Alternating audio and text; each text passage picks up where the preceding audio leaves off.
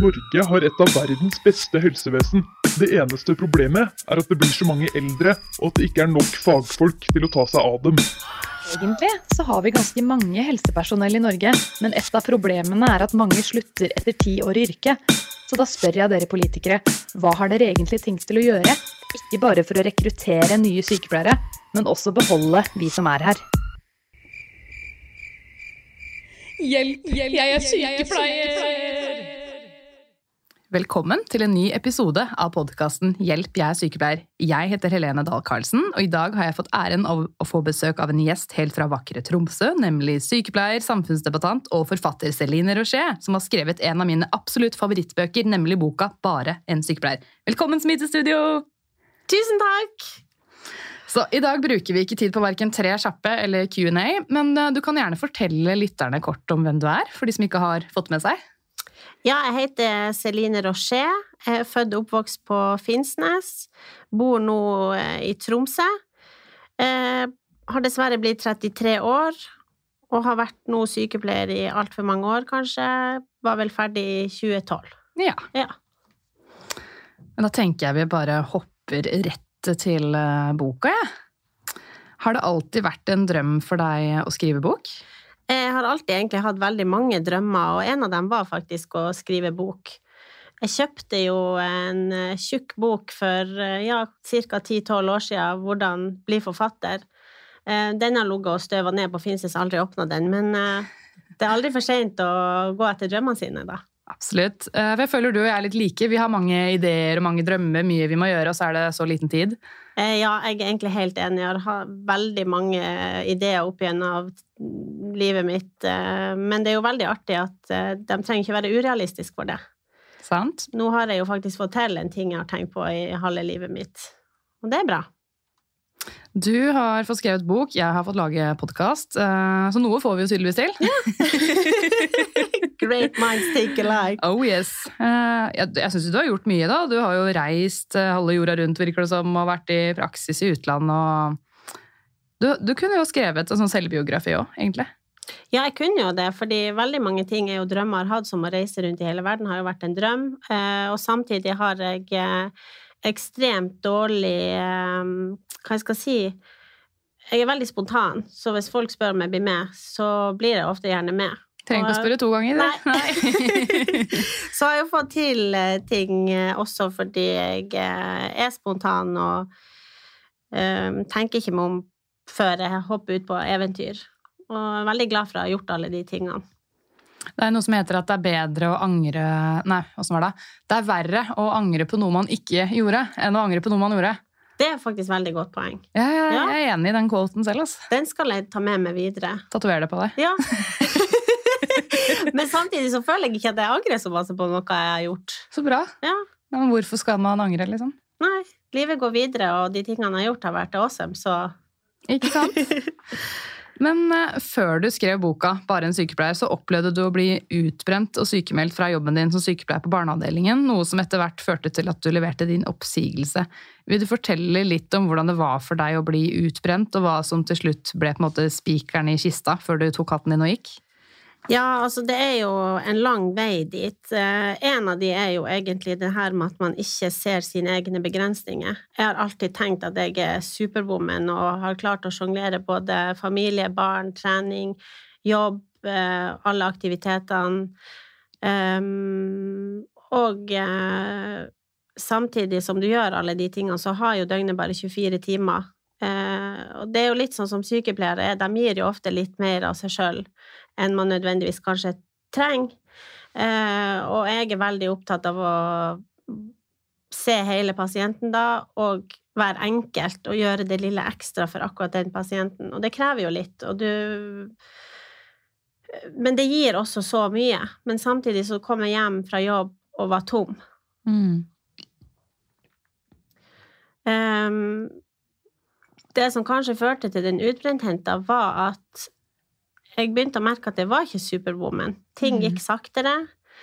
Eh, prosedyrene som jeg kunne i hodet, de måtte jeg plutselig slå opp. Og så brukte jeg jo mer tid på det, da. Så ting gikk saktere fordi jeg brukte tid på å sette mine prosedyrene på nytt. Um, og det kanskje som fikk en sånn tankevekker, det var vel to forskjellige ikke hva jeg skal Episoder? si, episoder på Ja. jobb. Det ene var jo bare at når du er inne på et smitterom på et isolat, så kan du ikke gå inn og ut, inn og ut. Så ofte når du har kledd på deg alt, så er du der inne. Mm. Um, så det var en kollega av meg der som ringte på og trengte noe utstyr. Eh, det var bare sprøyter, noen kompresser, enkle ting. Og jeg så at han prata, jeg klarte ikke å oppfatte hva han sa. Nei. Så unnskyld, eh, kan du gjenta det? Og han var jo stressa, og ting måtte jo skje. Han bare Ja, jeg trenger dette, dette, dette. Jeg bare Ja, ja, ja, ja. Og så gikk jeg bare inn på lageret og håpa at jeg skulle forstå underveis hva han hadde sagt. Um, det er jo ikke en farlig ting, det er bare en irriterende ting for en kollega når alle har det hektisk. Ehm, det jeg opplevde som på en måte fikk meg til å tenke at nå er det noe galt, eh, det var når jeg holdt på å gjøre en feil. Da hadde vi blandet en medisin, jeg og en kollega. Det var få erfarne sykepleiere på jobb, og vi hadde dobbeltkontrollert alt. Jeg gikk inn på medisinrommet, skulle starte infusjon. Nei, gikk inn til pasientrommet og skulle starte infusjon, og fikk ikke tallene til å stemme. Men selv da klarte jeg ikke å forstå hva som var galt, men jeg Mhm. forsto at her er det noe som er feil. Og da kunne jeg potensielt ha kobla til og starta en medisin som var eh, feil, feilblanda, feilfortynna eller feilregna på. En eller annen feil var det der, og da tenkte jeg nei, det her går ikke. Jeg får det ikke til. Og det var et, det var et nederlag, men eh, det var en nødvendighet at det stoppa opp. Men det er bra at du så det selv, da, før måte ting gikk eh, ordentlig gærent. Ja, absolutt. For det er jo ikke så store marginer, dessverre, i vårt yrke at feil kan, bli, ja, kan få alvorlige følger, da. Og Det det er er litt jo- skummelt.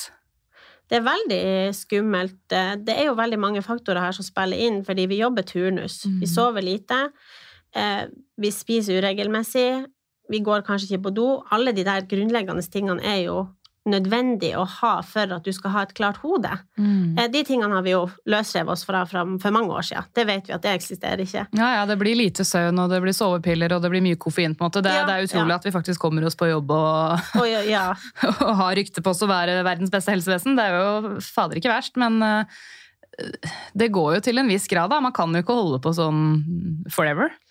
Man kan eh, ikke holde på. Det kan jo hende at noen får det til, men da tror jeg at eh, Jeg vet, jeg merka jo en stor forskjell da etter jeg ble mamma, kanskje. Du har, jeg har noen jeg må ta vare på når jeg kommer hjem også. Mm. Eh, Jeg har en mann som kanskje også trenger litt oppmerksomhet, eh, og jeg merka at jeg var irritert hjemme.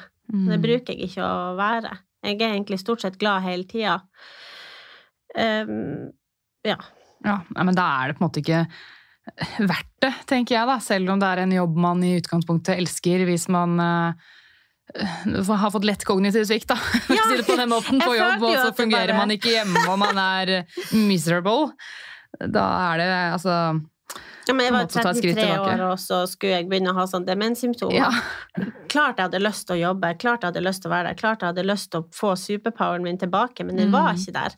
Så jeg hadde jo lyst til å være sykepleier, men jeg fikk det ikke til. mm. Og det, det er liksom tabu, det er litt skam, det er et nederlag, egentlig.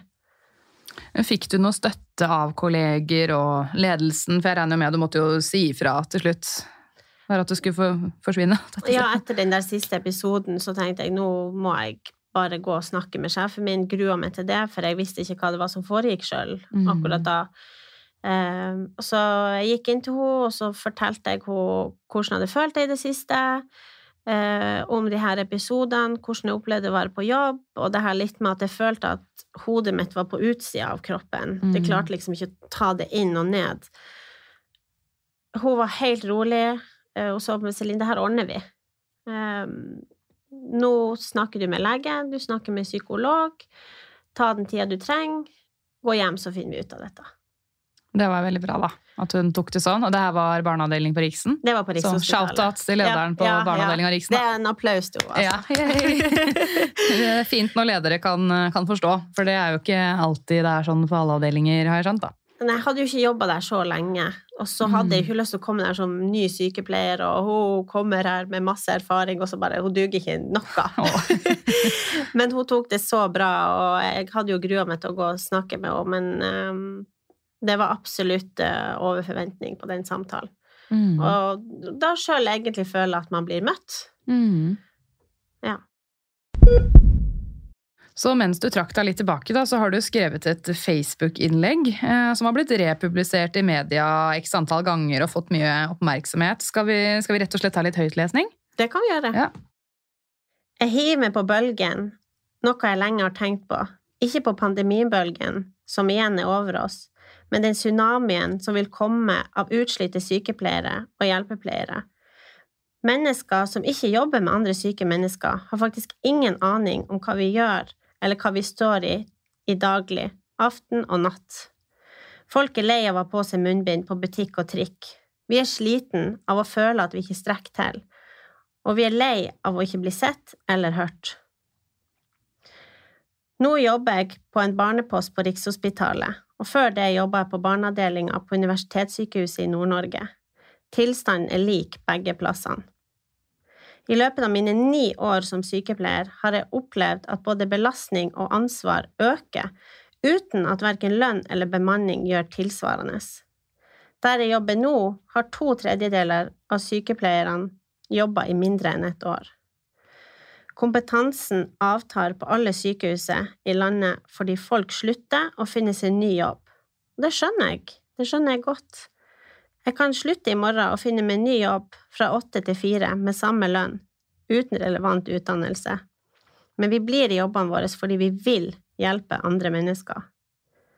Som sykepleier kan du ta videreutdanning, men da må du betale for det sjøl. Du kan søke om støtte, men da binder du deg til avdeling eller klinikk i to år. Under utdannelsen opplever du et stort inntektstap. Dersom du betaler utdanninga di sjøl, vil det gå flere år etter endt utdanning før du tjener inn de pengene igjen. Og det du sitter igjen med da, er et større ansvar. På barneavdelinga kan jeg aldri beregne hvor lang tid en prosedyre tar, eller, hvor lang, eller hvordan dagen blir, fordi vi har med barn å gjøre. Noen har pustestøtte, noen trenger livsviktige medisiner som må gis punktlig, noen kommer inn akutt, noen har behov for at du aldri går fra dem et sekund, noen er på isolat, og noen har kramper, og noen er døende. Det er spesielt utfordrende når vi ikke har mange nok som kan være for dem når de trenger det. I den tida har jeg verken jeg eller kollegaene mine hatt mat eller toalettpauser. Alle står på å holde humøret oppe, og vi gjør det sammen. Men det kommer ikke til å vare i lengden. Jeg har aldri i mitt liv takka ja til ei ekstravakt for å få ekstra penger, men fordi jeg vet hva mine kollegaer og pasienter står i.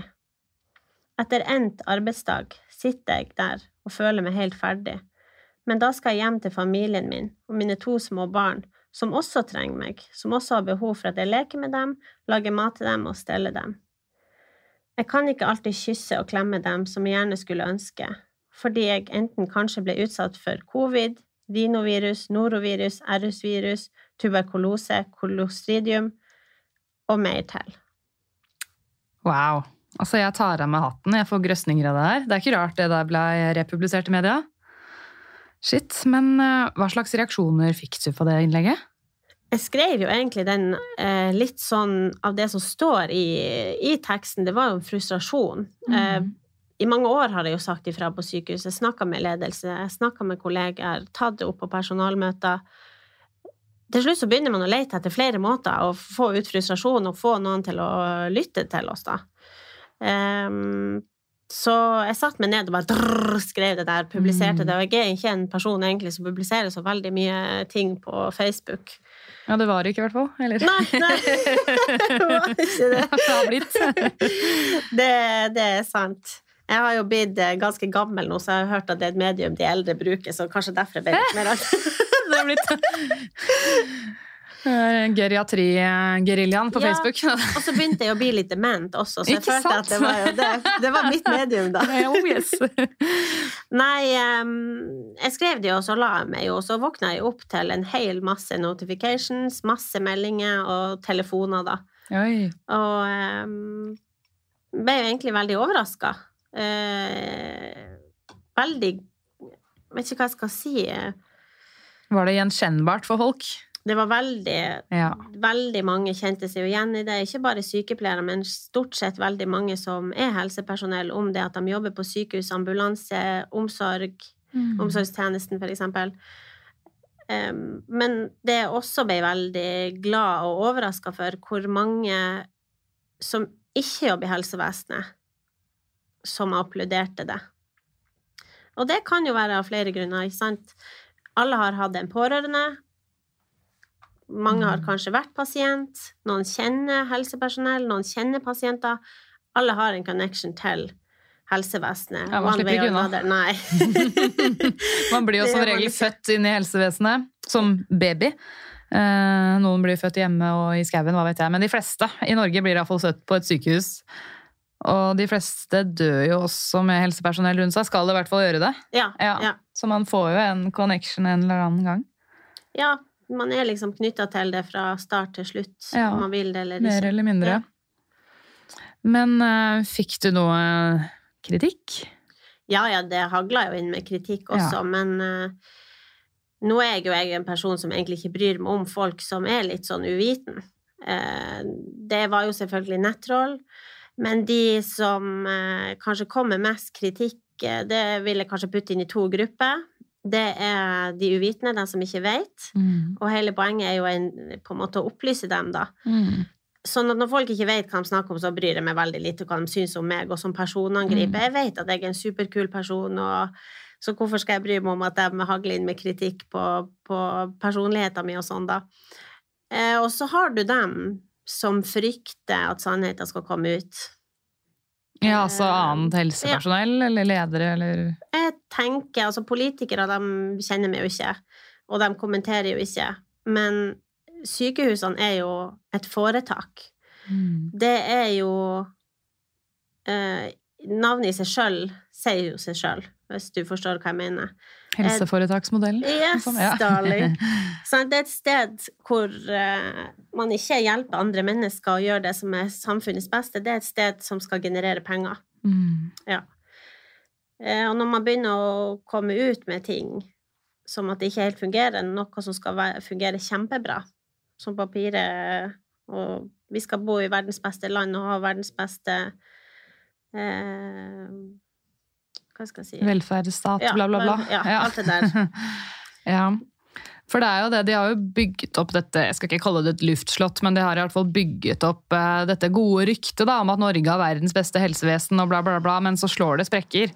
Ja. Og det tror jeg er litt hardt for de som styrer uh, landet å innrømme.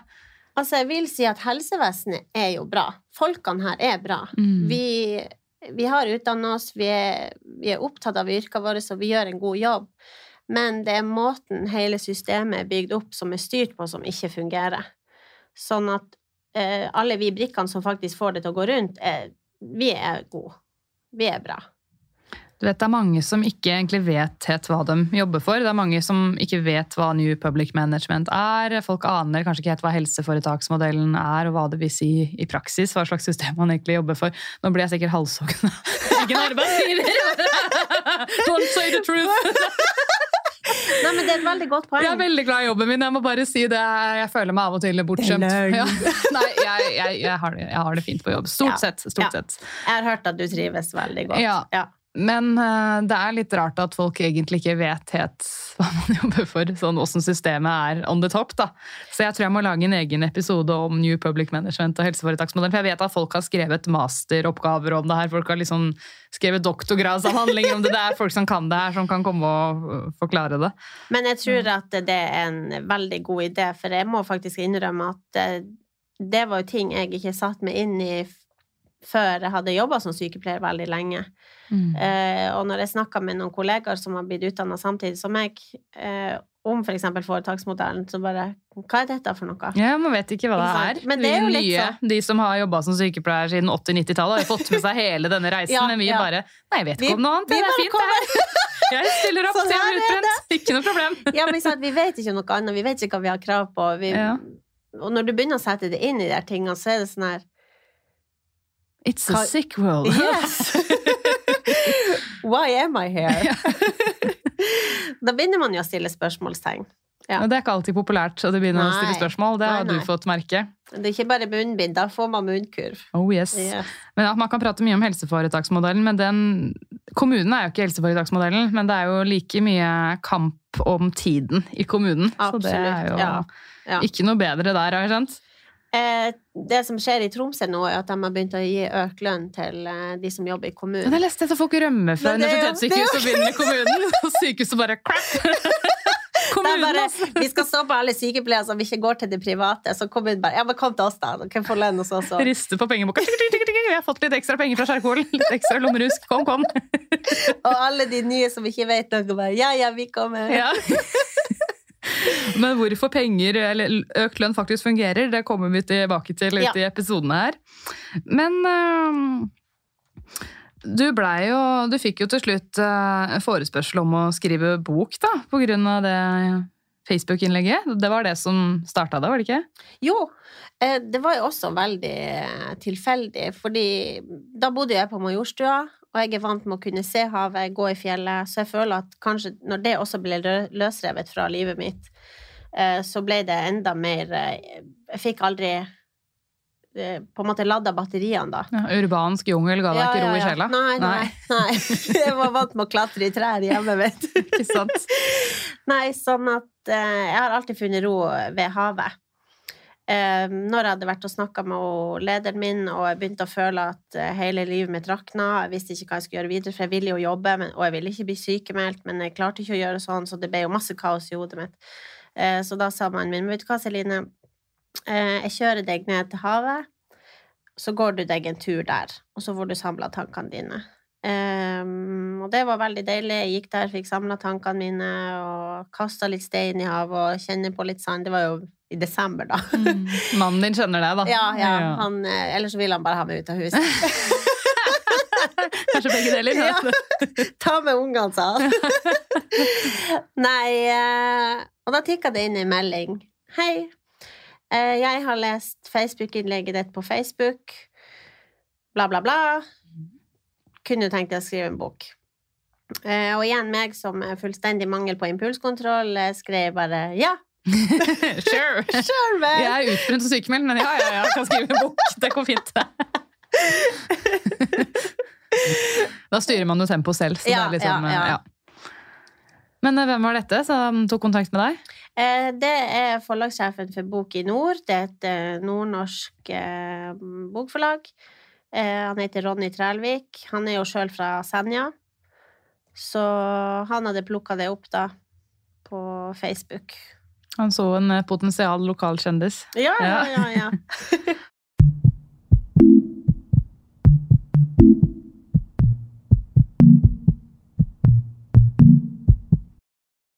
Men uh, hvordan fant du liksom, tid og sted og inspirasjon og konsentrasjon for å skrive boka? Det må jo ha vært litt av en jobb for hodet? Um, jeg er jo Enten så får jeg til alt veldig fort, eller så prokrastinerer jeg. Men de tingene jeg liker, som gir meg en drive, det kan jeg holde på med. Eh, Går du i hyperfocus? Ja, jeg gjør det. Jeg skrev jo gjerne fra klokka ni på kvelden til tre om natta. Selv om jeg hadde tenkt å kanskje bare sitte i to timer. Og jeg syntes det var vanskelig bare hvordan skal jeg starte. Men når jeg først bare satte meg ned, eh, så ble det som starten på en reise eh, fra egentlig hele livet mitt. Så mange tenker jo sånn Oi, det er masse jobb å skrive en bok. Men for meg har det rett og slett eh, Det høres jo litt rart ut, men for meg har det vært en terapi.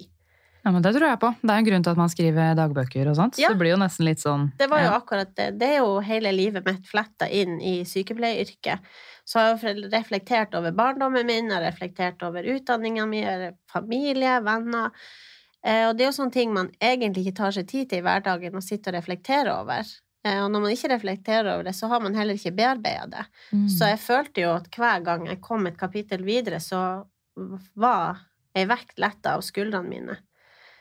Så jeg tror ja. det her har vært Det kom i grevens tid, for jeg visste ikke hva jeg skulle gjøre, og jeg kunne sitte og skrive boka, og jeg kosa med meg hele prosessen. Det har ikke vært arbeid i det hele tatt. Så bra. Ja. Kanskje det er det man må begynne å gjøre? Skrive en bok hvis man uh, går på en smell? Bare anbefale alle som uh, Generelt å skrive er jo ja, bra. Det er, det er jo en greie. det. For det er jo en, en måte å bearbeide ting på. Å skrive ned. Mm. Absolutt. Men har du fått noe hjelp eller veiledning til å skrive boka? Liksom noe skrivekurs eller hjelp til faktasjekk? For jeg, jeg syns den er så bra. Uh, jeg, er jo, jeg er jo god på egentlig det meste jeg gjør, da. Hey! Selvskryt er velskryt. Nei, altså um, Nå blir jeg jo hoppe litt, da, men jeg hadde noen fantastiske norsklærere. Både på barneskolen, på ungdomsskolen og videregående. Og veldig få folk tror jeg elsker norsk, men jeg elsker norsk. Eh, og det var egentlig fordi de lot meg være den jeg var. Jeg, jeg klarer jo ikke å sitte i ro på stolen, og jeg klarer lavt konsentrasjonsvindu, men de fikk det til å bli interessant for meg, og de likte det jeg skrev, og jeg kunne sitte på huk mens, jeg, eh, mens vi hadde Og jeg fikk til og med Se for meg deg som elev sitter under pulten og henger opp ned og leser en bok i et tappekatt. Fikk ikke du også sånn eh, fri midt i eksamen for å gå ut og løpe? Jo, det er riktig! Jeg fikk, jeg fikk pauser til å springe rundt skolen. eh, Midt under eksamen. under eksamen. Herregud. Men det er bra, da. Hvis det funka for deg, så why not? De Det skader vel ingen? Nei, nei de så jo at det, det her fungerer for oss, Eline. Um, så eh, jeg vil egentlig bare takke dem for at de eh, har lot meg være den eh, jeg er. Skal vi rett og slett gi en shout-out til gode lærere? Ja! Lærere! Altså, Man glemmer litt den der lærerkampen nå. Det er sånn der, jeg føler det er sånn eh, to universer. Det er helsevesenet og deres kamp, Ja, men det er også ja. lærerne som også er nedbemanna, underbetalt.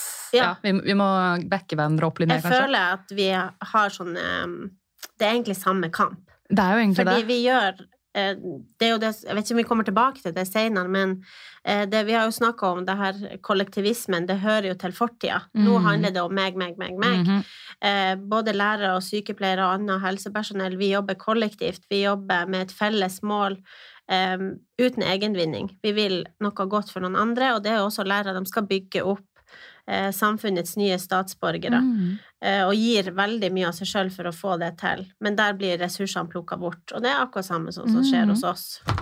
True, altså. Ja. Nå husker jeg ikke helt hva spørsmålet var, men vi bruker å spore litt av. Men jeg føler vi kom til mange gode poeng for det. Jo, jeg spurte egentlig om du hadde fått hjelp til boka. Svaret på det Ja. var egentlig eh, nei, det trenger jeg ikke.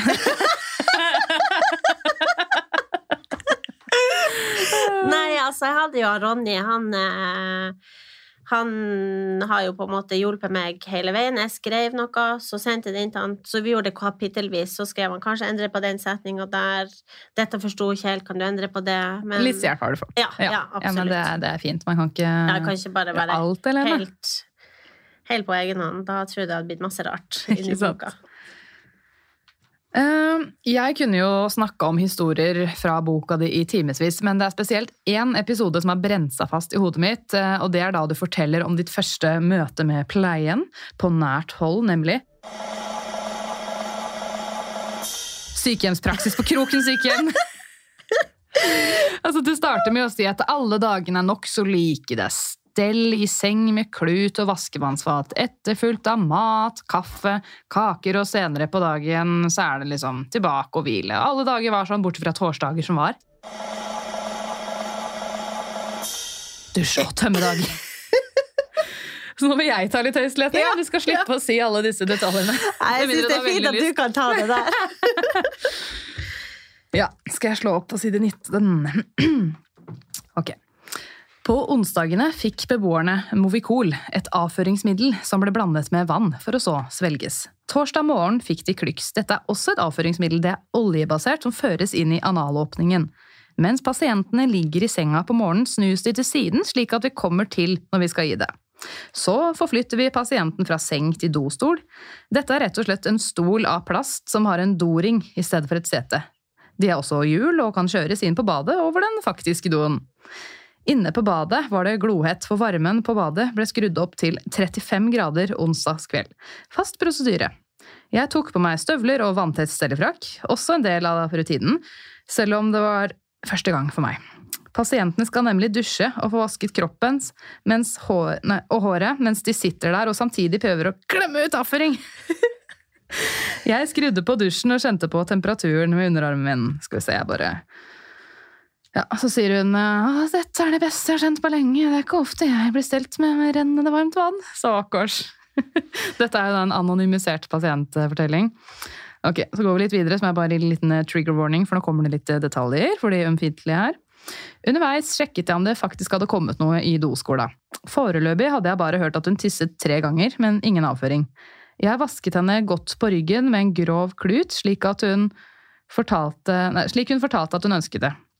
Jeg syntes det var grusomt at beboerne måtte sitte på toalettet og samtidig som de dusjet, og håpet på at de skulle få det til, altså få avføring. Jeg sjekket igjen. Rundt analåpningen var det drueklaslignende utposninger.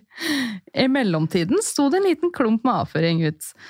Før jeg fikk sett så mye mer, banket det på døra. Det var Anna, min medstudent. Jeg informerte Svanhild, altså pasienten, fiktivt navn, om at jeg var tilbake om et øyeblikk. Celine, det henger nå ut av pasienten min sin dåsa. Hva er det? jeg ante virkelig ikke, men vi konkluderte med at det var nødt til å være livmora, og at hun måtte få den inn igjen på et vis. Enten dytte den med hånda, eller spyle den inn igjen med dusjen på høytrykk. Anna ville forsøke det sistnevnte. Jeg fortalte henne at min pasient hadde masse hemoroider og en klump med avføring satt fast. Anna sa jeg måtte plukke, jeg ante ikke hva jeg skulle si, men ble forklart at jeg måtte bruke fingeren min og rett og slett plukke ut proppen. Jeg forklarte Svanhild hva jeg skulle gjøre, og hun samtykket. Jeg trakk på meg latekshansker og prøvde å klemme meg inn mellom vasken, dostolen og pasienten. Da jeg takket ja til studiet, hadde jeg aldri sett for meg at jeg skulle sitte svettende på huk med vannspruten i nakken og plastfrakk til ingen nytte og plukke ut avføring fra et annet menneske. Men til slutt løsnet proppen, og videre fulgte det mange flere klumper. Svanhild ble lettet og takket meg inderlig. Svanhild så på meg med et lurt smil, og skjønte nok at dette hadde jeg aldri gjort før, men hun sa ingenting. I stedet takket hun meg en gang til og klemte hånden min.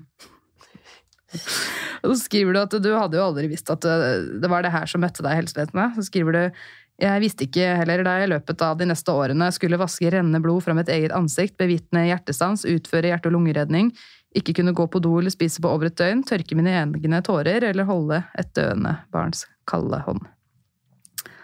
Ja, det er, det er, detaljer her, da. Hvis vi tenker på historien på Kroken sykehjem eh, nesten første dag i praksis, så må du sitte og grave ut avføring. Ja. Men Hvorfor er det sånn at det er nødvendig å ha tømme tarmen-dag og dusjedag liksom i én og samme seanse for de gamle? Er ikke det, det ganske uverdig? Det er ekstremt uh, uverdig. Grunnen til at det er sånn, er jo ikke fordi det er det beste for dem. Det er fordi det er det beste Det er den beste måten å spare tid på. Effektivisering. Effektivisering. Mm. Nok en gang. Det er den røde tråden i helsevesenet tenker de ikke over at det ikke er noe særlig? Altså, de som styrer landet. Tror du Jonas Gahr Støre har lyst til å sitte på en dorstol og få dusj og tømmedag? Han og Kjerkol kan hjelpe hverandre. Oh ja, men ser du for deg at han blir sittende der og Kan jeg få en grov klut på ryggen min? Jeg, jeg tror, altså Nå har jo han nok penger til at han kan ha sånn eh, private, eksklusive hjemmesykepleier som skrubber fra topp til tå, så han ender nok ikke opp eh, med dusj og tømmedag, tror jeg. Det er nok det de fleste som sitter med makta, sitter jo også med en feit lommebok. Eh, de tenker at det her berører ikke meg. Det her er så fjernt fra hvordan jeg blir å ha det. I utgangspunktet så alt du ikke har opplevd, er fjernt for deg. Her, de vet ikke noe om det her i utgangspunktet. Så de får jo bare vite om det. Ok, Men da finner de også en måte om hvordan kan jeg unngå dette. Så jeg føler ikke at de tenker på alle andre. Du vet, som folk flest. Ja, ja. Meg, meg, meg. Ja. det er jo, hva skal jeg si, ja, egoismens eller narsissismens tidsalder, det her. Ja. Um, du skriver jo om i boka di at uh, er det Helsedirektoratet som har prøvd å gjøre noe kartlegging på hvor mange står egentlig på venteliste til sykehjem, men det, de har visst mista litt oversikten på det, gitt. Ja, det var ikke så lett å følge opp det statistikken. Det... Det, det ble bare borte, rett og slett. Ja. Så jeg har prøvd å gjøre litt research selv, og liksom, det virker som at det har vært vanlig at det er 1500 på venteliste. Men nå i 2023 så har faktisk TV 2 gjort en egen eh, kartlegging og virkelig eh, gjort et dypdykk. Og det viser seg at det er nesten 3000 ja. som venter på sykehjemsplass, ja. eller plass et annet sted hvor det er døgnbemanning. Det var jo litt mer enn 150. Ja, eh, 1500. Ja, Så, ja, ja. men, ja. Det, er, det er jo dobbelt så mange. ja. Det, det er det. Og det er sikkert mange mørketall også. Og det er jo kjempebra at eh, når helsevesenet ikke gjør sin egen jobb, at journalister faktisk eh, graver og finner ut sånne ting, da. Ja, så, så Journalister får jo også mye pepper, men de gjør viktig arbeid, de òg. Altså. Ja, ja. De får jo fram sannheten om eh, politikernes skandaler og ting i helsevesenet som skjer. ikke sant? NRK Brennpunkt omsorg bak lukkede dører. Vi så jo alle det. Men det er jo det som er at folk får pepper når man finner fram sannheter. Mm. Og det er jo det journalister gjør. Ja, Nei, så Jeg, jeg syns det er bra vi har eh, journalister. her. Ja, I hvert fall frilans, de som ikke er knytta opp mot noe Ja. får beskjed du må skrive om det og det. Ja. Og få, fordi det også skjer jo. Men det her TV 2 har gjort, det er bra. Så skriver de også at eh, har du mer oppdaterte tall fra din kommune, så bare send mail til oss. Vi vil gjerne høre det. Så jeg, jeg kan linke til det her i episodebeskrivelsen. Så Det hvis det er noen som vil ta kontakt med TV 2 og komme med enda flere tall, så er det bare å kjøre på. Og nå har det jo vært eh, valg, ikke sant? kommunevalg, så jeg har jo sittet og sett på sånne partilederdebatter.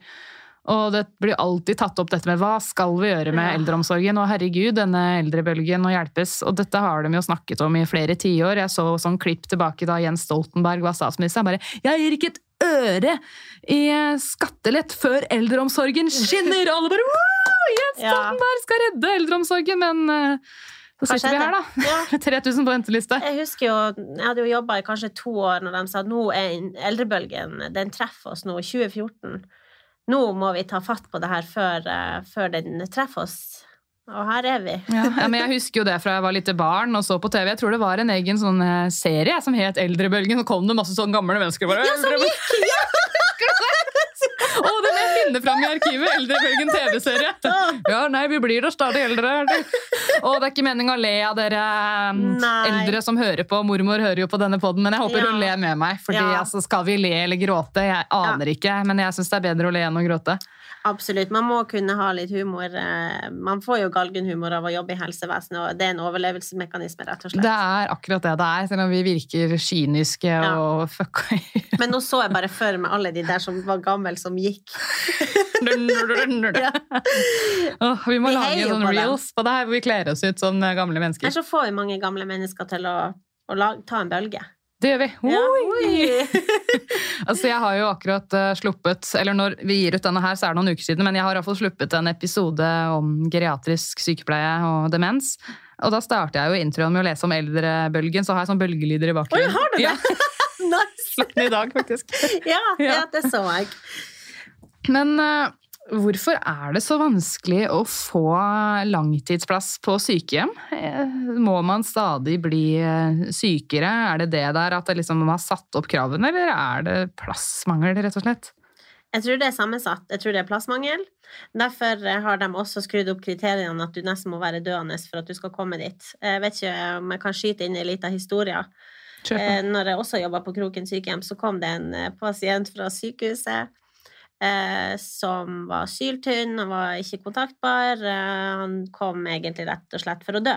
Mm. Så han fikk et rom eh, i påvente av det. Men da var det også sånn at jeg og kollegaen min, eller medstudenten min, da hadde et arbeidskrav om ernæring. Ja, det leste jeg. Ja, sant. Fortell mer. Så vi lagde et kjempebra kostholdsopplegg til han. Istedenfor at han fikk tørr brødskive med syltetøy og knuste medisiner oppi det, så lagde vi han et veldig innbydende måltid.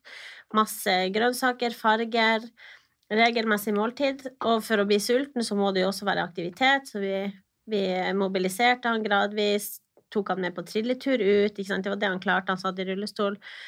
Etter hvert som han fikk næring, han fikk eh, mosjon, så fikk han mer energi, krevde mer energi, så til slutt var jo denne mannen oppegående. Ja, var det kanskje dere fikk han opp sånn åtte kilo plutselig eller noe? Han gikk opp åtte kilo i muskler. Så sitter sykehjemsbestyreren og bare faen, vi skulle jo få en ny Ny plass, ledig. Ja, ja, men det var jo Altså, de var sånn Dere eh, kan jo kanskje begynne å trappe ned nå på, Nei. Tenk si det! Ja, så um, han, eh, han fikk jo også Det det førte til først og fremst, var motivasjon og mestringsfølelse som liksom, Alle de her tingene det er kanskje ikke så viktig i livets sluttfase, men det han fikk, var livskvalitet Mm. i livets sluttfase. Så det var jo kjempefint for han å komme dit eh, og få vært med på turer. Vi kjørte han ned til havet. Vi spilte spill og hadde det veldig gøy sammen. Um, han gleda seg til vi skulle komme på jobb, og hva skal vi finne på i dag? Det er sånn det bør være, ja. at man har tid til å gjøre disse tingene. For Jeg husker da jeg var helsefaglærling, det har jeg fortalt om mange ganger. Jeg tok meg kjempegod tid, to timers stell på alle med bodylotion og massasje omtrent, og lakka neglene deres. Ja. Veilæreren bare 'herregud, er du her ennå? Bruker du så lang tid?' Bare, vet du hva, Kos deg med det, nyt det mens du kan, du er elev, ikke sant? Og da jeg var på en måte eh, kom ut og faktisk jobba Nei, det ble kalt for dulling. Det, og det tok Nei. tid, det skal man ikke gjøre. Dulling. Er. Oh, fy faen. Ja, men sant, tenk hvis man hadde vi ble jo en ressurs etter hvert som vi fikk mer erfaring der, mm. Eh, og kunne gjøre de tingene som folk ikke hadde tid til. Mm. Eh, det var jo bare én sykepleier på den avdelinga jeg var, og hun hadde jo alt medisinsk ansvar og sånn, og det blir jo veldig mye på hjelpepleierne og for så vidt eh, alle som jobba der. Og det, det, var jo sånn bang, bang, bang, bang-rutine. Virker som man må ansette sånn eget dullepersonell da, som ja. kan ta seg tid til å gjøre det mens vi på en måte steller og gir ut medisiner. Ja, da vil jeg heller være dullepersonell. Jeg vil være dullepersonell. Men det handler jo ikke om at å, vi skal få dem til å leve lengst mulig. Det var ikke at vi, planen vår var jo ikke at han skulle gå opp i vekt og leve kjempelenge, men eh, hvis det er noe noen fortjener, så er det å ha det bra mm. på slutten av eh, livet. Det heter sykehjem, eh, og så er det egentlig en endestasjon. Det er jo ikke ja, et hjem i det hele tatt. Det er, liksom, er, det et hjem, eller er det en oppbevaringsplass? Ja. Et midlertidig sted, så du kan midlertidig være til du, til du dør. Ja. Og neste stasjon er liksom For det, er liksom, det har jo hett fast plass på sykehjem, men nå heter det langtidsplass på oppbevaringssted. Ja, det heter ikke oppbevaringssted, men det heter jo da langtidsplass i stedet for fast plass. Jeg tenkte det var sånn ja. det, det, er en terminalplass. Du mm. står på en terminal. Men det bare slo meg nå at det er sikkert mange som jobber på sykehjem som tenker sånn herregud, nå maler dere et bilde at alle sykehjem er sånn som Kroken med dusj og tømmedag. Det her er jo også mange år siden, så det kan jo ha blitt bedre, hva vet vi. Nei, da, det, er, er steder det er, Ja, ikke sant? Nei, det er absolutt veldig mange fine plasser. Det er jo ikke alle som kjenner seg igjen det her. Og det er jo veldig bra at folk ikke kjenner seg igjen. Det betyr at de mm. jobber på en plass eh, med verdighet. Mm. Ja. Og takk og lov for at sånne steder ja. finnes. Ja. Jeg skulle bare ønske alle steder var sånn. Ja. Men uh, jeg føler jo litt at uh, man kan dra noen paralleller her da, mellom Helsebrølet, som jeg var med på å arrangere, og din bok. Det er jo på en måte et varsel som vi håper når høyere makter. Eh, det er jo egentlig Vi skriker og roper om det samme, holdt jeg på å si. Mm. Eh, men det er kanskje veldig mange De som kommer med kritikk, er sånn Dere sutrer, dere bla, bla, bla, dere har en jobb, og sammen med korona. Eh, ikke klag, dere har en jobb å gå til. Vi har blitt permittert. Um, jeg håper at de forstår at det er ikke for vår del vi står og roper. Mm. Det er faktisk for deres del. Ja. Det er for deres mamma, pappa, barn, alle pårørende. Ikke sant? Eh, det er for pasienten sin del vi står og roper. 110% Ja. Det er jo ikke for at jeg skal ha det bra at jeg vil at det skal bli en endring. Det er jo fordi jeg vil at de som er sårbare, de som er syke, de som trenger oss sårt, får det de trenger når de trenger det.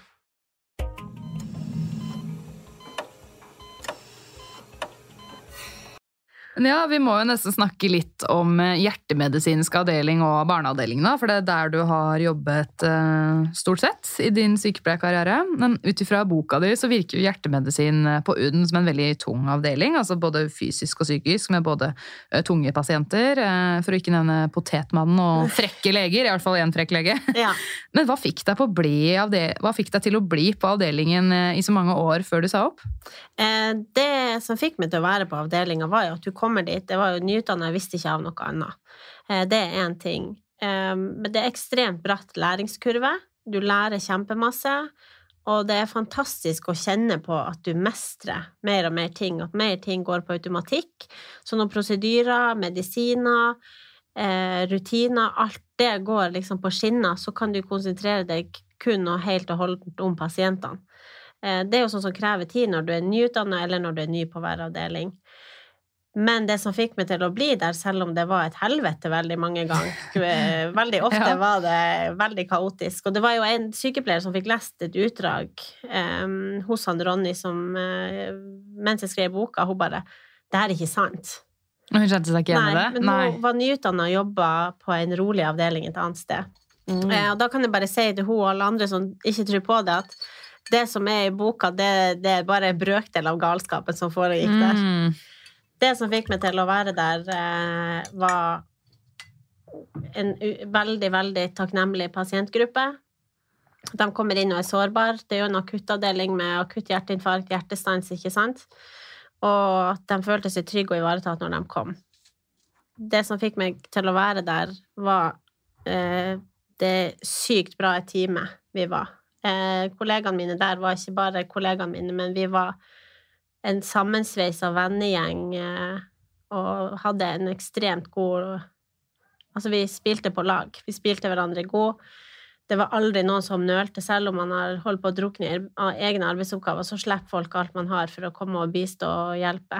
Det har så mye å si. da. Ja. Altså, man kan virkelig stå i møkka så lenge man står i møkka sammen. Sammen, ja. Da går det greit, liksom. Så får man den der superpower nurse feeling, som jeg liker å ja, kalle ja, det. ja, ja. Sånn, det er dæven, vi har råd, liksom, vi får ja, det til sammen. Tenk, vi fikk det, vi fikk det til. Men du arrangerte jo også julaften hjemme hos deg for alle som eh, måtte jobbe i jul. Så bytta de på å sove hos deg og spise julemat og så. Det er jo så koselig! Ja, altså jeg vil jo ikke at noen skal være alene. Og Tromsø er jo en studentby, så mange kommer jo dit og studerer, og så begynner de å jobbe, og det er jo bare det sykehuset som er nært. Eh, Da var jo veldig mange alene, og veldig mange av oss som jobba, var jo da uten familie eller eh, verken sånn ny familie eller eh, primærfamilie. Eh, og selv om ikke jeg var hjemme hele tida, så var vi alltid en gjeng der. Eh, vi bakte pepperkaker, vi så julefilmer, og huset sto nå åpent. Ja, Hvor mange julafter på rad jobba du egentlig? Eh, hvor mange juler jeg har jobba? Jeg tror Uten at jeg har vært i mammapermisjon, så har jeg jobba stort sett alle juler. Minner meg om hun derre fra Hjem til jul. Ja, vet du? Det er deg, det! Det var Jeg, jeg jobba ei jul eh, på hjertemedisinen, og det var for så vidt greit den første jula. Ikke sant? Jeg er ny, og jeg var forberedt på det. Eh, og så skulle vi ha sånn at vi har jobba annenhver jul. Og så kom det neste jul, så jeg orka ikke se på juleturnusen engang. Jeg har lagt planer med familien. Jeg gleder meg til å fare hjem. Og så sier jeg sånn Du, Celine, vi jobber i lag i jul. Jeg bare Nei, jeg jobber ikke i jul. Og hun bare Jo. Og så ser jeg på turnusen, og da, da liksom. Når du har en forventning om noe annet Mm. Eh, Så da gikk jeg og sa til sjefen min bare Du, jeg jobba jo i fjor, hvorfor skal jeg jobbe i år? Ja, for det, egentlig skal man jo bytte på annenhver gang med jul og nyttår. Det er visst ikke sånn. Da, fant, da hadde de funnet ut at du skal jobbe eh, først jul, og så skal du ha fri jul, og så skal du jobbe nyttår, skal du ha fri nyttår. En helt annen Man har lagd et helt nytt system, så derfor ble det sånn at jeg skulle jobbe jul. Og da var jeg usaklig og ufin for første gang. Så sa jeg bare 'Jeg kommer ikke'. Hvis ikke. Hun bare 'Jo, det, det, det skal du'. Try Jeg to bare- make me Men møtte du opp eller ikke? det? Jo, jo, selvfølgelig Ja, ja, møtte opp, men eh, da da, da var den skuffelsen jeg har sagt til mamma jeg kommer. Hun var kjempeglad. Broren min skulle komme hjem, og vi skulle samles. Og, eh, da husker jeg sykla hjem og skreik eh, mens jeg hørte på det I want to go home for Christmas. I wanna go home for Christmas. I want to go home this year. oh. Ja, Det der minner meg om en gang jeg, jeg var helsefaglærling på sykehuset i Tønsberg. så Jeg hadde vært tre måneder i England. eh, Så når jeg kom tilbake, så var det veldig sånn De hadde ikke helt bestemt seg for om jeg skulle følge veileders turnus eller min egen turnus. Eh, Så jeg fikk basically beskjed om å følge begge turnuser. Så jeg bare, ok, Nei. skal jeg dele meg i to, eller Så var det veldig sånn, nei, men eh, 17. mai, da har du fri, ikke sant? Så jeg bare, ok, fint, da kan jeg sove litt. Så ringer de meg bare, hvor er du? Du skal være på jobb. Jeg bare, nei. Jo, kom deg. Bare, ok, flaks jeg ikke hadde rekke, da. Ja, ja. Så jeg møtte jo opp da og jobba 17. mai. Jeg trodde jeg endelig skulle få fri en 17. mai, men eh, nei. Og så bare, Men i morgen, da har du fri, liksom. Så stikk ut og feir 17. mai nå på kvelden, så trenger du ikke komme i morgen. Så da gjorde jeg det. da, Så ringte hun da. Hvor er det du skal på?' Jeg bare Jeg har fortsatt promille. Jeg kommer ikke. Nei, ok, da skal du slippe. Så Og da bare å var jeg Og sånn var jeg sånn til 19 år eller noe, så ja. Ikke gi Kan dere bestemme dere for én turnus jeg skal følge, please? Ja, for det, er ikke sant, Ingen var jo informert om hvilken turnus du skulle følge, og du var jo ikke informert om hvilken turnus du Nei, det var mange følge. Ja, Det er ikke så lett å forholde seg til, men jeg tipper at da kanskje planen videre er å oppfordre alle til å bare gå hjem og poppe ei flaske. Ja, Ja. Drikk, så slipper dere å jobbe, folkens. Men herregud, var ikke det på nyhetene for mange år siden at sykepleiere på Ahus ble bedt om å komme på jobb med promille og sånt? Nei, er det sant? Jo, det, det er en del år siden, men jeg husker det. Bare, oh, shit. Ja, selv om dem eh, Men det blir jo litt samme med korona. Først var det sånn du kan ikke komme på jobb eh, hvis du har symptomer, men så ble det jo bare sånn Ja, du må komme, men ta nå på deg et munnbind. To, Ja, men hva er verst? Å komme på jobb med en potensiell smittsom dødelig sykdom, eller komme på jobb drita? Nei, det kommer an på utfallet, da. Men du kan jo smitte noen, eller så kan du gjøre feil. Eller så kan du smitte noen med dårlig immunforsvar og knekke dem. Ja. Eller så kan du gi feil medisin og knekke dem. Ja. Pest eller kolera, my friends. Oh yes. Men ja, så var det barneavdelingen, da. Du forteller jo mye om barneavdelingene fra både UNN og på Rikshospitalet i boka di, og jeg må si det er mange rørende historier. Og det var spesielt én historie eh, som fikk meg til å felle noen tårer, og det var om den lille gutten som kom som aleneflyktning. Vil du lese høyt? Ja, det kan Ja. jeg gjøre. Jeg hadde en gang en gutt som kom alene som aleneflyktning. På vei til Norge ble han syk. Han ble separert fra sin mamma og sine søsken. Han kom til oss med følge av en verge som snakka litt engelsk. Det ble bestilt tolk, sånn at vi kunne fortelle gutten hvorfor han var her, og hva som skulle skje videre. Tolken hadde tid til å være der en time før han måtte dra videre. I mellomtida måtte vi finne en verge som forhåpentligvis snakka samme språk som gutten, og som beherska engelsk eller norsk. Gutten satt ikke i senga eller i stolen inne på rommet. Han satt på gulvet og så i veggen. Han måtte ol- isoleres til vi fikk svar på alle infeksjonsprøvene som vi hadde tatt. Vi kunne ikke prate sammen, men vi gjorde så godt vi kunne ved hjelp av kroppsspråk. Jeg spurte om han for eksempel likte fotball ved å mime at jeg sparka en ball, men jeg fikk ingen reaksjon på det. Han ble kanskje livredd? Han, han bare 'Skal hun sparke meg, kanskje?' Unnskyld, nå avbrøt jeg. Det går Impulsiv av meg. bra. Det går veldig fint. Jeg fikk ingen reaksjon på at jeg skulle drev og sparka noe i lufta, i hvert fall. Men så satte jeg meg ned på huk, og så sa jeg eh, vrom, vrom, og mima at jeg styrte et eh, ratt. Gutten så på meg med et stort smil og store øyne. Jeg forsto med en gang da at han likte biler. Da jeg kom hjem, fortalte jeg under middagen til mannen min om arbeidsdagen. Da vi var ferdige å spise, så kom sønnen min med fem små lekebiler til meg.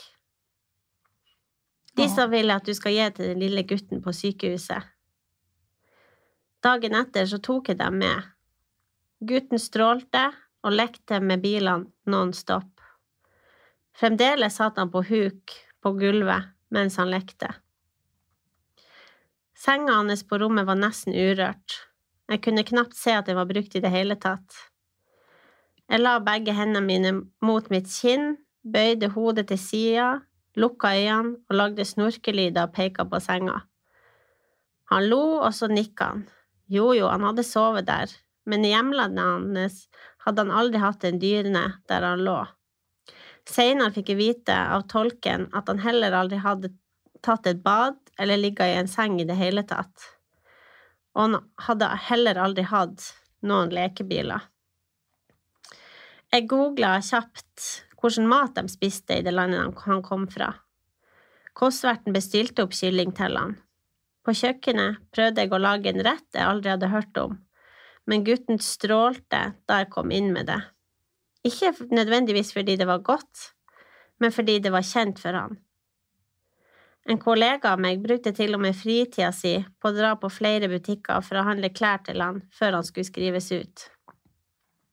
Det er disse små tingene jeg skulle ønske vi hadde bedre tid til, det som betyr så mye for den enkelte. Etter hvert som han ble friskere, kunne han gjenforenes med familien sin. Vi hadde lokalisert hvilken by de holdt til i, og vergen skulle sådeles følge han dit. Vi kledde på han de nye klærne, fant fram vintersko til han og en god, varm jakke, og, og selvfølgelig da lue og votter. Han lyste av takknemlighet. Det var vondt for meg å si farvel. Jeg hadde bare lyst til å holde og klemme denne gutten i all evighet. Men jeg var glad. Åh, herregud. Da jeg Ja. leste det, så begynte jeg å gråte. Nå er jeg så høy på sånn tulleenergi med Ja, deg. så jeg- ja, ja, men det, det, det Ja, går jeg opp fikk og ned. røstninger nå. ja. Nei, jeg var bare helt tilbake der med en gang. Jeg huska det det godt nå. Ja. Mm. Eh, men jeg var glad for at han skulle få møte mammaen og søsknene sine igjen. Eh, på vei fra avdelinga stakk vi innom kjøkkenet, og jeg fylte hele sekken hans med brus. Han var veldig glad i Fanta. Juice, kjeks, banan, og pakka inn kyllingrester og alt annet han peker på og hadde lyst på. Å, herregud. Altså, det her er jo sånn prakteksempel på ting som ikke kan effektiviseres. Hvis vi skal snakke om dette med økonomisk styring og sparekultur, da, som er den røde tråden her. Hva er det de mener at vi skal Hvordan kan, kunne dette vært gjort på en måte i en fei? Å bygge den tilliten og få han frisk og skrevet ut i en fei? Altså det, det går jo ikke. Alt prosedyrerelatert kan effektiviseres. Kunne forte med å gi han medisinene, kunne bestille en verge som var der en time, han kunne sitte der på rommet sitt alene og være redd.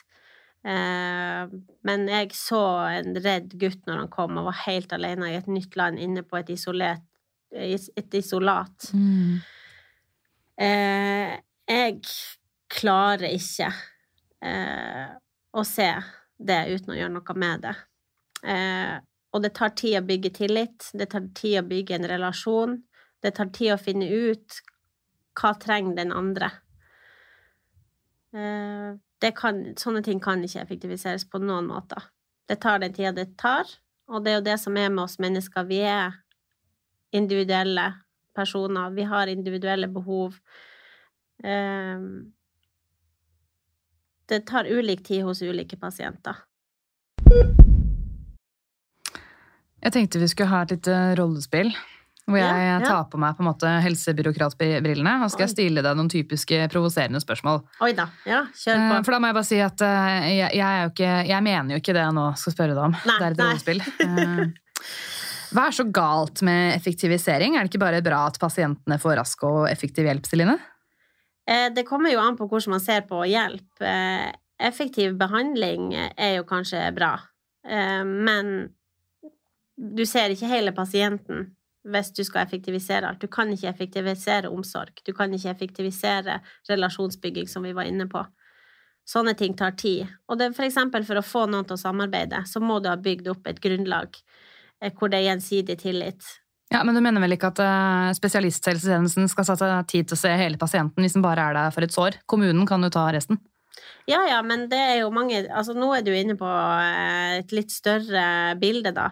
Eh, Det er jo konkurranse mellom alle sykehusene på å være effektive og få dem ut, og primærhelsetjenesten blir neste da på å ta på seg både psykiatri og sår og oppfølging. Fordi vi får jo betalt per pasient som blir innlagt, ikke per pasient som blir innlagt hvor lenge. Bla, bla, bla. Bla, bla, bla, bla, bla.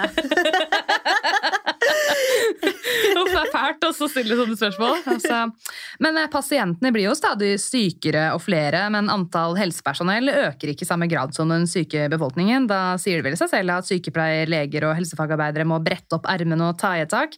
Pasienten trenger jo faktisk hjelp døgnet rundt, også i helger og helligdager. Altså, helt ærlig, det visste dere da dere valgte å bli sykepleiere. Ja, men når dere kommer inn på det her, vi visste at det ble sånn. Vi visste ikke eh, vi, Ja, vi visste at eh, folk kommer til å bli sykere, vi behandler flere, teknologien øker, medisinsk forskning øker. Det blir flere pasienter, vi behandler flere enn noen gang. Eh, det betyr også at vi må også få mer kompetanse, og for å få mer kompetanse så krever det mer erfaring. Vi må ha flere. Sykepleierutdanninga for eksempel har aldri mangla søkere, men eh, vi putter inn eh, brannslukningstiltak. Sånn Støre bare ja, vi tar 500 nye plasser til sykepleiere. Ja, ja, det hjelper ikke å putte inn når det lekker ut trippelt så mange på andre sida. Men da må dere slutte å bli så sykemeldte hele tiden, da. Ja. Fy Ja, skal bare det gjør vondt å si de tingene. her! Slutt å bare jobbe deltid. Ja, det er sånn jeg føler de snakker til oss. Du skylder på Ja, oss for alle. sånn, vi, vi fortsetter jo i jobbene våre, så finner ut hvordan kan vi fortsette i jobben. Ok, da går noen ned til 80% Det går utover vår pensjon, men vi gjør det for pasientene, tror vi. Men det jeg har begynt å innse, er jo at hvorfor er det ingen som gjør noe for oss? Hvorfor gjør de ikke tiltak for å beholde oss, sånn at vi kan ha en 100% stilling? Eh, vi velger å på en måte la det gå utover oss sjøl for at vi skal få det til å fungere, for vi har trodd at vi gjør det for pasienten. Men det er ikke pasienten vi gjør det for, det er for det her systemet som er bygd opp helt. Da må jeg nesten avslutte, for nå har jeg ikke mer tid. Nei. okay. hva, hva har dere egentlig tenkt å gjøre med Nei, det? nå har vi fem sekunder igjen her, så nå Ah. Ja. Debatten, altså. Debatten. Ja, da, da var det Nei, vi, vi kan ikke svare på et så stort spørsmål. det har vi ikke tid til nå. Det var litt av poenget for at det kom, men ok, greit. Nei, gud, ass. Det er um... Jeg tenker jeg skal sende denne episoden her til alle på Stortinget. Ja. Kan du legge på sånn der link at du kan se hvor mange som har hørt på den? Det hadde vært noe, for jeg har hørt fra de gutta fra Helserelatert at man kan sjekke sånn hvor mange hører på, og når slutter de å høre på. Når i episoden skjer Det Det er sikkert når det kommer til eh, hva dere tenkt å gjøre med det. Ja, Nei, nei, nå, nå er vi ferdig for i dag. Nå er det lunsj. Oi, jeg gikk tom for strøm.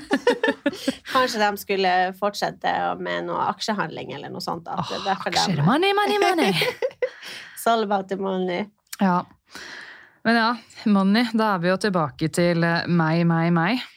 Altså, lever vi på en måte i en sånn svunnen tid? Altså, kollektivismen, vi gjør noe sammen. Er det, er det ingen verdi i det lenger? Å tenke at uh, vi er alle ett stort, bra team? Eh, Nei, det er det absolutt ikke. Nei. Det er jo litt sånn, det er jo, Nå tar jeg jo veldig masse fra boka mi, men det er jo fordi det det jeg mener, det det jeg har sett eh, en økende Altså, grunnleggende i oss uh, er jo å overleve. Eh, og vi som mennesker, vi har ikke utvikla oss så veldig masse eh, på instinktene våre eh, med evolusjon. Instinktene våre er de samme, selv om hele samfunnet er helt annerledes enn det det gjorde, sånn som du sa BC i stad. Før handla det om å overleve og få mest mulig mat, for eksempel. Nå er det for å overleve er prestisje, det er egenvinning, det er å ha mest mulig. Eh, og da er det snakk om penger, eksempel, og materielle ting. Eh, det er nok sånn vi ser på å overleve i dagens samfunn. Og det vi sykepleiere gjør, vi er jo litt sånn old fashion, og det samme med barnehagelærere, og lærere generelt. Mm. vi er enda Vi vil tjene fellesskapet, på en måte. Ja, vi vil tjene fellesskapet. Eh, og det er ikke ansett som prestisje. Det genererer ikke penger. Vi har aldri gjort dette for penger, vi gjør det for samfunnet. Eh, og det vi ser da, er jo at samfunnet sånn som det er i dag, er mer prestisje, mer lønn. Viktigere du er Altså, du er viktigere basert Altså, hvor viktig du er, er basert ut ifra hvor masse penger har du. Eh, vi har jo aldri vært opptatt av penger. Sykepleiere, Nei, vi som sykepleiere. Ja. Sykepleiere har aldri blitt ansett som et prestisjeyrke, så hvorfor skal vi ha mer penger da? Det virker som at jobben vår på en måte, det blir ikke sett på som en, en faktisk utdannelse og profesjon. Det er på en måte sånn charity work, da, veldedighet. At det er Ja. det vi blir eh, sett på. Ja, sånn klapp på skuldrene når vi sto på i pandemien, eksempel, eller applaus på verandaen, eller hva det nå var. Mm. Ja. Men eh, hvorfor velger noen å bli sykepleiere? Nå har vi, vi har egentlig svart på det, det er fordi vi vil tjene fellesskapet. Men man vet jo på en måte før man begynner at det verken tjener helsa eller lommeboka spesielt godt. Hvorfor tror du noen likevel velger å tre inn i helsevesenet? Eh, Det er jo litt som vi har snakka om tidligere, det her med at det er et kall. Og som mm. som sykepleierteoretikere har snakka om at det er et kall. Ja, er kallet ekte, eller er det bullshit? Jeg tror det er Det begge deler. mye, Det er sånn bullshit-kall. Ja. Ja. Men før så var det et slags sånn religiøst kall. Ja, sånn der, jeg har ja. fått en beskjed fra Gud, jeg skal bli sykepleier. bli Ja. Det er liksom Men nå er det sånn, nei, jeg vil bare dulle med folk, jeg. Det er det nye kallet. Dullekallet. det kan, Ja, vi kan holde på sånn evigheter. Ja. Men jeg vil nok ikke si at det er et direkte kall at jeg ble født og skulle bli sykepleier, at det var min purpose in life, og at jeg, jeg var Jesus' 13. disippel. Men jeg vil absolutt si at eh, jeg ser jo en gjenganger eh, av personlighetstrekk. Eh, omsorgsfulle, pliktoppfyllende, nestkjærlighet. Sånne personer med den type personlighetstrekk eh, er de som eh, velger sykepleieryrket, da. Våres bonus blir på en måte ikke i kapital, det blir i den gode følelsen, vi sitter igjen med når vi ser at noen blir så takknemlig. Sånn Ja. som han lille gutten, ikke Ja, sant? ja. Eller sånn som eh, stakkars Svanhild som måtte plukkes. Ja, men altså sånn, det gir jo også meg en ekstremt glede å se at Mm. jeg kunne få være med og gi dem den gleden, eller den tryggheten. Mm. Eh, og det vil jeg si veier jo mye mer opp for eh, lønn. Mm. Kanskje lønn i himmelen. Ja. Det er grunnen til at sykepleiere ofte drar på ferie til Granca og ikke Maldivene. Da. Ja, nå har jo jeg hatt en pappa som er lege, da, så jeg har jo vært på Maldivene. Ja, ikke sant? Daughter of a god. Er det ikke sånn? Eh, Legene blir sett på som guder, vi blir sett på som engler. Å ja, det er faktisk sant. Ja, Det var ikke sant. Men vi tilhører alle himmelriket, da. Ja, ja, ja, vi er i hvert fall et innpass der. Ja, ja. There, we're going to heaven, yes! Men hvorfor tror du at noen eh, slutter med noen blir? Er det på en måte survival of the fittest det her, eller eh, handler det om arbeidsplasser? Noen slutter jo allerede etter to år, mens andre holder ut til man blir pensjonist. Nå kommer det jo med et ekstremt vidt spørsmål, da. Ja. Eh, da kan jeg jo eksempel si at eh, for min egen del jeg sto jo i det veldig lenge, helt til det sa bom stopp. Jeg klarte jo ikke å Mm. gjøre det mer. Eh, og for noen så er Og så ble det også sånn Det var veldig masse uverdig som gikk. Det ble uforsvarlig. Jeg følte at jeg ikke kunne stå inne for det. Og prøvde veldig hardt å få få et svar på ting og prøve å gjøre forbedring, ikke sant, men du blir ikke møtt. Eh, også vår generasjon er jo veldig sånn pliktoppfyllende, så vi møter opp og vi kaster våre egne meninger og følelser og behov under bussen for å, for å gjøre det her. For min del, når jeg skjønte at alt jeg gjør, er egentlig for systemet og ikke for pasientene, når jeg vet at systemet kan endres, så blir det veldig paradoksalt å stå i det. Eh, og det jeg tenker nå med den nye generasjonen, er jo at eh, det er på godt og ondt, så er de jo De kommer, og så ser de 'det her finner vi ikke i'. De er Mhm. mye tøffere enn oss og bare 'det her gidder jeg ikke'. Eh, men samtidig så er de kommet inn i et system der eh, de er nødt til å gjøre sant? stell Det var mange det er jo veldig mange oppgaver vi gjør som ikke er sykepleierrelatert i det hele tatt. Som, Ja, Eller som man ikke må være sykepleier for å for kunne utføre. gjøre. Da. Ja. Så da har jeg opplevd at noen har sagt sånn Nei, det her gjør ikke jeg. Var det av Studenter eller nyutdanna Det var jeg som var nyutdanna. Ja. Så hun Ville ikke stelle? bare-? Nei, hun ville ikke stelle, og så ville hun ikke vaske et rom etter pasienten var dratt, da. Ja. Så da var det sånn Ok, men vi har ikke noen andre, så da får jeg gå og gjøre det. Det syns jeg er litt dårlig. Altså, jeg skjønner det er jævlig døll at vi skal bruke tid på å vaske rom og nattbord. Altså, det, det kan renholdspersonellet gjøre, mener jeg. Hvis vi ikke er mange nok, så da er jo løsninga å bemanne opp, da. Ja, men sant, Det er jo 100 000 Ja. folk i landet som er uten jobb. Det er jo Ja. kjempemange som kunne ha vært De kan læres opp til renholds. Ja. Men akkurat det med stell, det er jo sånn der, den store diskusjonen. Skal sykepleiere drive med stell, ja eller nei? Så jeg tenker at stell det er jo en litt sånn der eh, felles byrde. Vi alle må stelle Ja. litt innimellom. Ja. Men selvfølgelig er det noen som eh, krever x antall eh, prosedyrer og medisiner og ditt og datt. Så, må man jo tenke hvem skal gjøre hva her i ja, dag? ja, fordi det går jo igjen tilbake til det her med effektivisering. Mm. Ikke sant? Jeg liker jo veldig godt å gjøre alt med pasienten sjøl. Mm. Jeg liker å være med på den stelledelen. Syns det er veldig verdig å få sett hele pasienten på den måten. Og mange fine samtaler der, og bli kjent med pasienten. ikke sant? Mm. Eh, Men så er det jo de dagene du har ekstremt masse prosedyrer du må gjøre, og kanskje du ikke har tid til et stell som tar 45 minutter. Mm. Eh, Så er det jo mer på den her effektiviseringsdelen, da. Ja. Det er ikke lett, det der. Nei. Men eh, ja, den nye generasjonen eh, sykepleiere, tror, tror du det er bra at det kommer til å liksom eh, vekke Norge AS med at sånn, nei, vi gidder faen ikke, vi bare slutter? Eller, eller, du det, eller syns du det er dumt at å nei, nå er det ingen som holder ut som sykepleier lenger? Nei, altså sånn, du ser jo at det er jo eh, veldig, veldig mange nyutdanna sykepleiere nå som slutter. Ja, for jeg syns det er mest de, de Ja, nyutdannede ja. som slutter, mens de gamle revene holder ut, liksom. De kjempegamle Og jeg er generasjonen midt imellom. Jeg vet ikke hva jeg skal velge! Jeg vet ikke hva jeg skal velge. Nei, men sant, Du ser de eldre, de er jo litt sånn Herregud, eh, skjerp dere nå, bare gjør det. ikke sant? For de har stått i det, og de har vært med hele veien. Ja, helt til ryggen knekker. Helt til ryggen knekker, Ja. ja. Og eh, de er jo beinharde, og jeg Ja. elsker å være på jobb med dem. Altså, Du føler alltid at du har ryggstøtte. Mm. Um, men nå ser vi jo at uh, det er jo sant? Også når man får familie plutselig, så er det ikke like lett å ha turnus. At man må kanskje, det er veldig mange grunner til at man velger å gå ut av yrket. Um, men denne nye generasjonen, de finner seg rett og slett ikke i det. Uh, du ser jo mange artikler. Jeg jobba i to år som sykepleier. Eh, slutte. Søke mange som får toårsknekka. Ja, toårsknekka. Ja. bare, nei, Men det er jo litt sånn som i kjærlighetslivet. Det, man sier jo at etter to år så finner du ut om det er denne personen du vil være i lag med videre eller ikke. Ja. Så kanskje det er Sånn sånn ikke. Jeg føler jo av og til at jeg er i et forhold med jobben. Ja, ja, er du gæren. ja, jeg hadde en tøff skilsmisse der. Ja.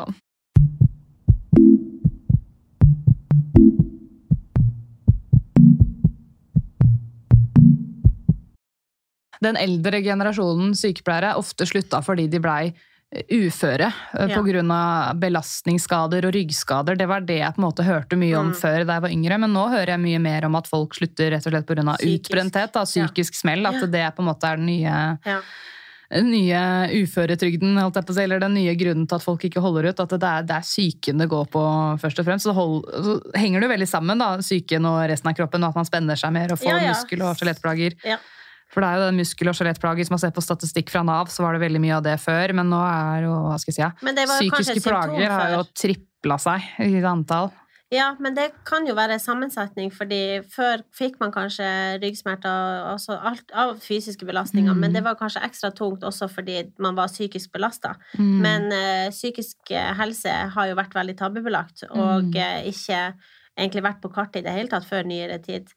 Sånn at eh, det kan jo godt hende at det var en slags eh, symptomer på utbrenthet mange også gikk av med ufør. Ja, det er lettere vi... å skylde på ryggen. Vet du. Ja, er ingen ja. stiller Ja, nei, spørsmål ingen med det. Kan man se på et, et bilde, en Bilde, bildeundersøkelse, men man kan ikke kan vise se et papir. Her, jeg Ja. har en ødelagt skulder, har en ødelagt Ja. rygg, eller knærne mine. Men det er ikke like lett å bevise at jeg er faktisk utbrent. Jeg er ikke Nei. bare vanlig sliten. Det er liksom ikke noe bilde eller blodprøve som kan vise det. Altså ja, blodprøve kan vise høye kortisolnivåer og sånn, men det er liksom ja. ikke noe sånn fysisk diagnostikk man kan Nei. gi for å vise noen er utbrent eller deprimert og angst og alt det der. Du ser jo nå de siste det årene noen som ringer. Å, jeg har ikke tatt på lydløs.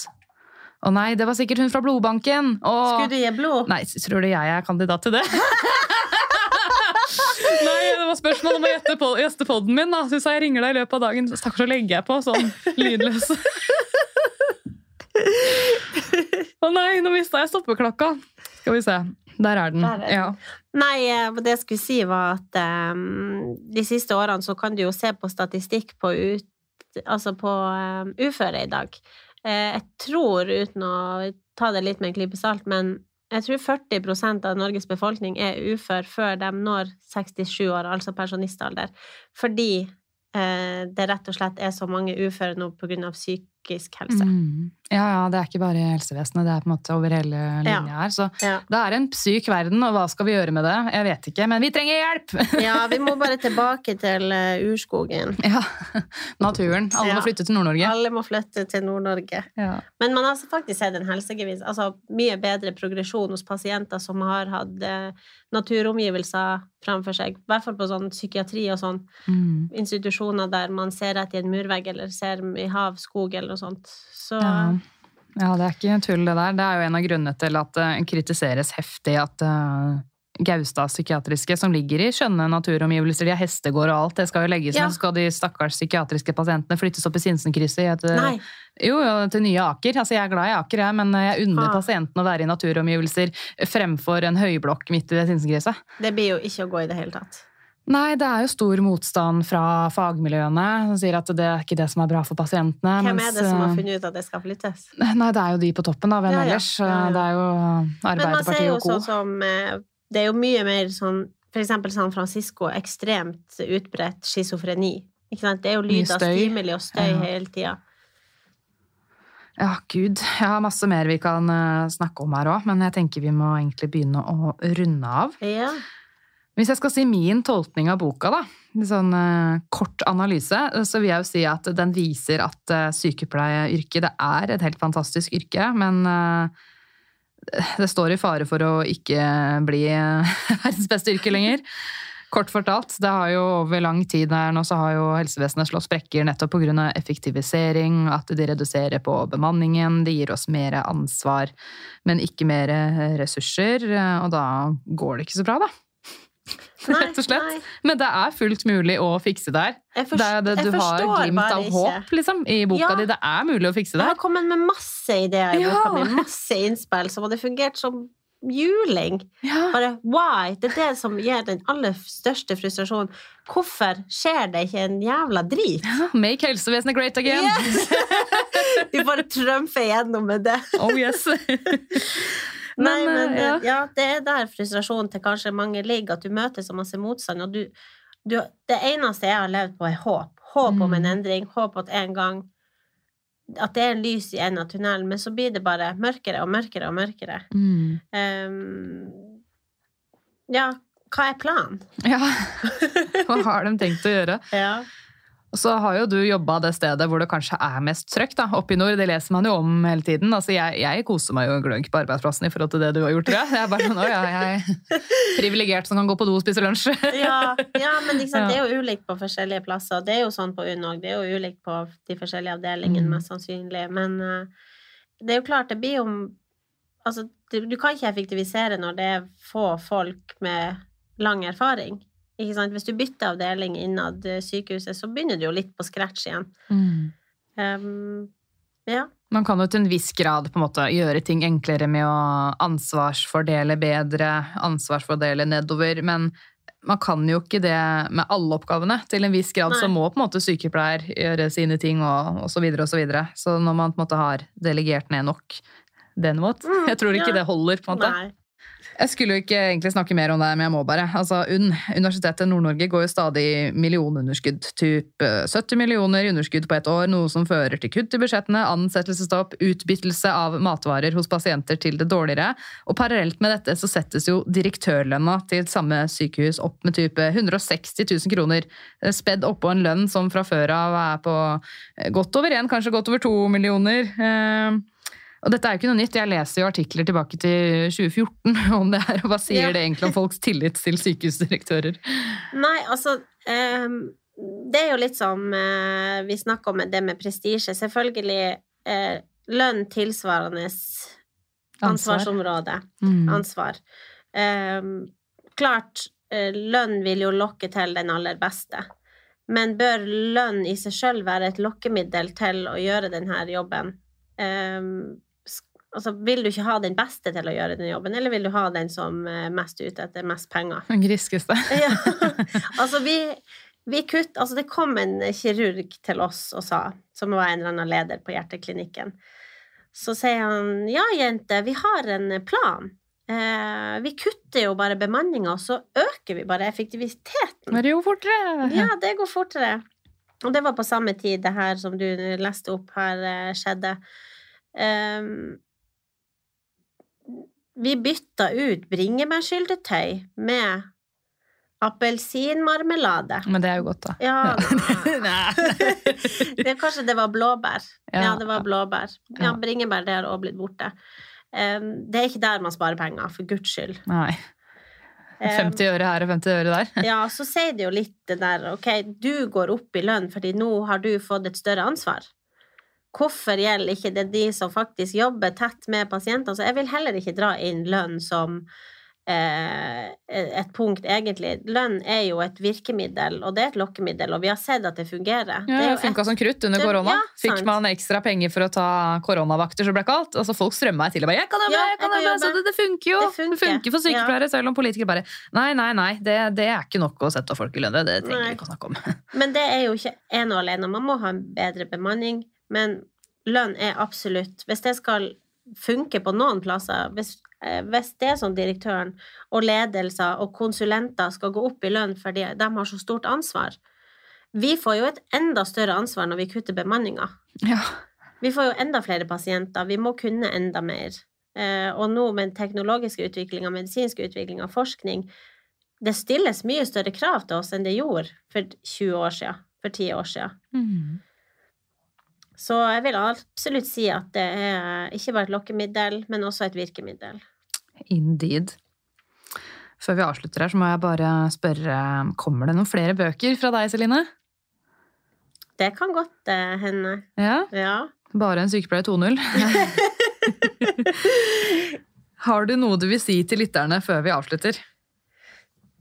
Hva jeg vil si til lytterne? Jeg vil Ja. si eh, dere er jævlig gode alle sammen. Eh, dere er flinke som står på.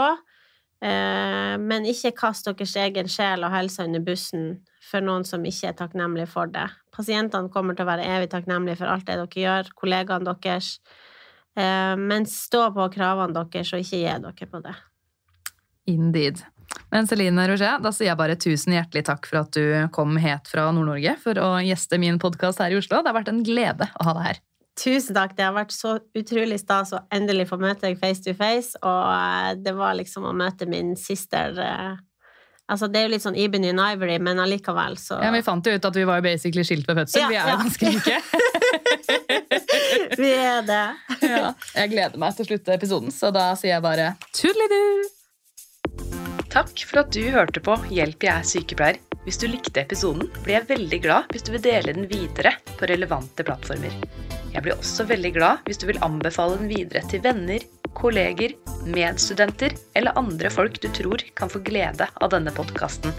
Hvis du vil få varsling neste gang det slippes en ny episode av Hjelp, jeg er sykepleier, så er det bare å trykke på abonner-knappen her hvor du hører på podkast. Hvis du vil komme med ønsker for podden, eller gi meg tips eller tilbakemeldinger, eller bare følge meg og mitt podkasteventyr, så er du hjertelig velkommen til å følge Hjelp jeg er sykepleier på Instagram. Hjelp jeg er sykepleier er også på Facebook, men det er på Instagram det er desidert mest aktivitet. Der har du også mulighet til å stille spørsmål til Q&A til fremtidige gjester av podden. Du kan også sende meg en mail, og mailadressen til Hjelp jeg er sykepleier står beskrevet i hver episodebeskrivelse.